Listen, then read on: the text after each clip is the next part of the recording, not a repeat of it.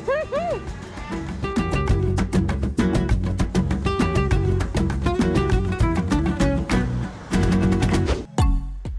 pagi, good morning getaway. Ayo kita mau healing ke mana pagi ini? Kita ke pasar ya. Hah? Kok healing ke pasar? Eits, jangan salah. Pasar yang satu ini, ini nih di usianya yang setengah abad tetap eksis di tengah gempuran berbagai pusat perbelanjaan di tengah kota Surabaya. Namanya Pasar Atom Surabaya. Tanya itu, pasar ini juga menjadi simbol keharmonisan, multikultur dan juga multi etnis, termasuk kulinernya yang dinikmati bareng-bareng. Wah, seperti apa? Kita cobain yuk. Hihi. Ya, bahkan ada slogan tak lengkap ke Surabaya kalau belum ke Pasar Atom. Nama Atom sendiri konon karena ada simbol atom di depan pasar. Sehingga pasar yang berdiri sejak tahun 1972 ini populer disebut Pasar Atom. Pasar dengan sekitar 600 stand ini memang menjajakan aneka kebutuhan, termasuk kulinernya yang berasal dari berbagai etnik.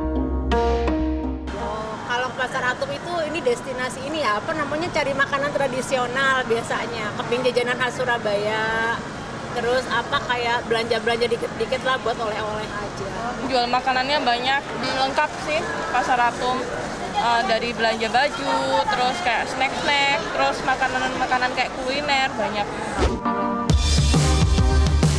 Nah, kita buktikan ya. Tapi ngomong-ngomong, kalau menggunakan bahasa daerah penjualnya, maka kita bisa dapat harga spesial. Wah, apakah benar ya?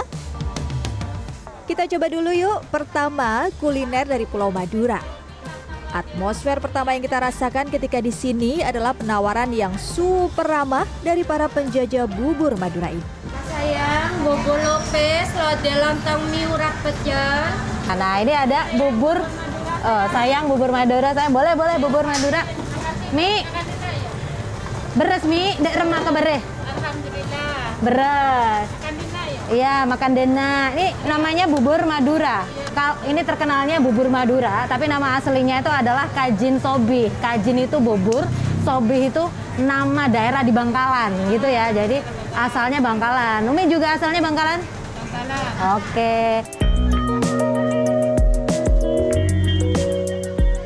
Kalau dibilang sebagai makanan pembuka sih sebenarnya bubur Madura ini berat juga ya. Karena penuh karbohidrat dan gula. Mayoritas terbuat dari tepung beras, tapioka, sagu mutiara, dan ketan hitam. Semua dicampur dengan santan kental dan gula. Udah. Mare, mare. Ini berapa mi? Sepuluh ebo ya. Jadi udah jadi udah ini. Ini ada. Hmm. Ini mah bisa dibilang appetizer yang tepat nih. Umi Mariamah adalah generasi kedua dari penjual bubur Madura ini. Semua diawali oleh ibunya yang berjualan sejak pasar Turi buka tahun 1972. Hingga sekarang, display penjualan bubur Madura ini dipertahankan seperti aslinya dan menjadi ciri khas. Kekhasan inilah yang membuat para penjual kerap diundang mengisi acara hajatan bahkan hingga keluar kota.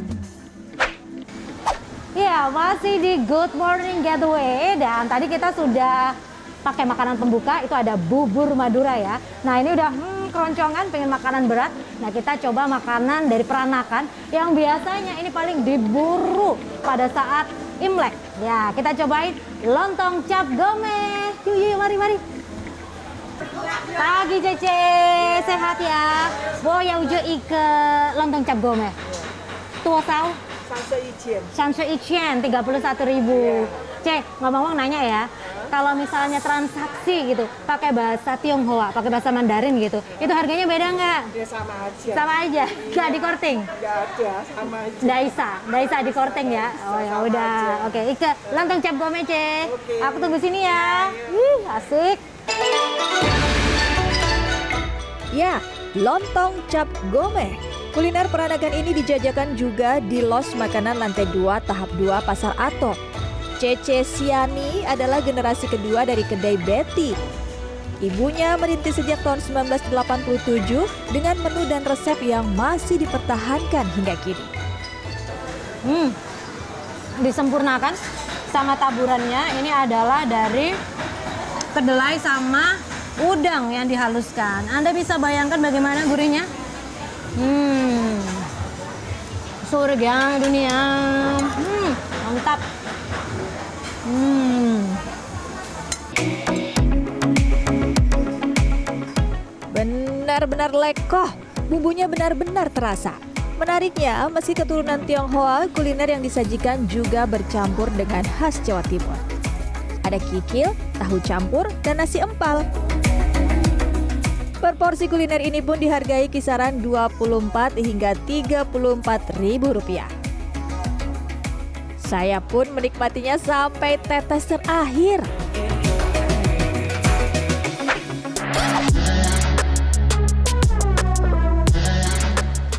Nah, titik keramaian lain di Pasar Atom adalah di bagian makanan ringan yang ada di lantai dasar.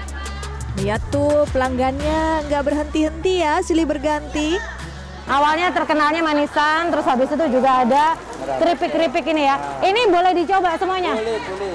Oke, kita coba ya. Gratis nyobanya ya, belanjanya bayar. Aneka keripik hingga manisan tersedia di sini. Dan semuanya boleh dicoba satu persatu. Borong deh, bermacam rasa dan tekstur manisan ada di sini. Ada manis, asam, pedas, dan tekstur basah atau kering. Tinggal dipilih, dipilih, dipilih. Karena begitu banyaknya, abangnya sampai naik panggung tuh untuk jualinnya. Tak ketinggalan aneka keripiknya. Dan tetap nih, boleh dicoba satu persatu. Nama-namanya pun unik. Ada kuku macan. Wah, awas dicakar ya. Ada juga nih terong tapu dibaca terung dan manco ya, bukan maco. Juga terdapat aneka makanan ringan kemasan, produksi lokal maupun impor. Yang langka-langka juga menjadi pilihan untuk oleh-oleh nih. Saya juga beli yang rengginang rasa ikan. Sanwan ya. Sanwen 30.000 ribu. Oke, ini ya kakak cantik. Makasih ya. ya. Iya, sama-sama ya. Udah ini dapat ya oleh-olehnya. Jadi di sini ini memang tidak hanya masalah kuliner yang memanjakan lidah, tapi juga hmm, healing karena kebersamaannya ramah-ramah orangnya. Oke, sampai ketemu lagi di lain kesempatan di Good Morning Getaway. Makasih.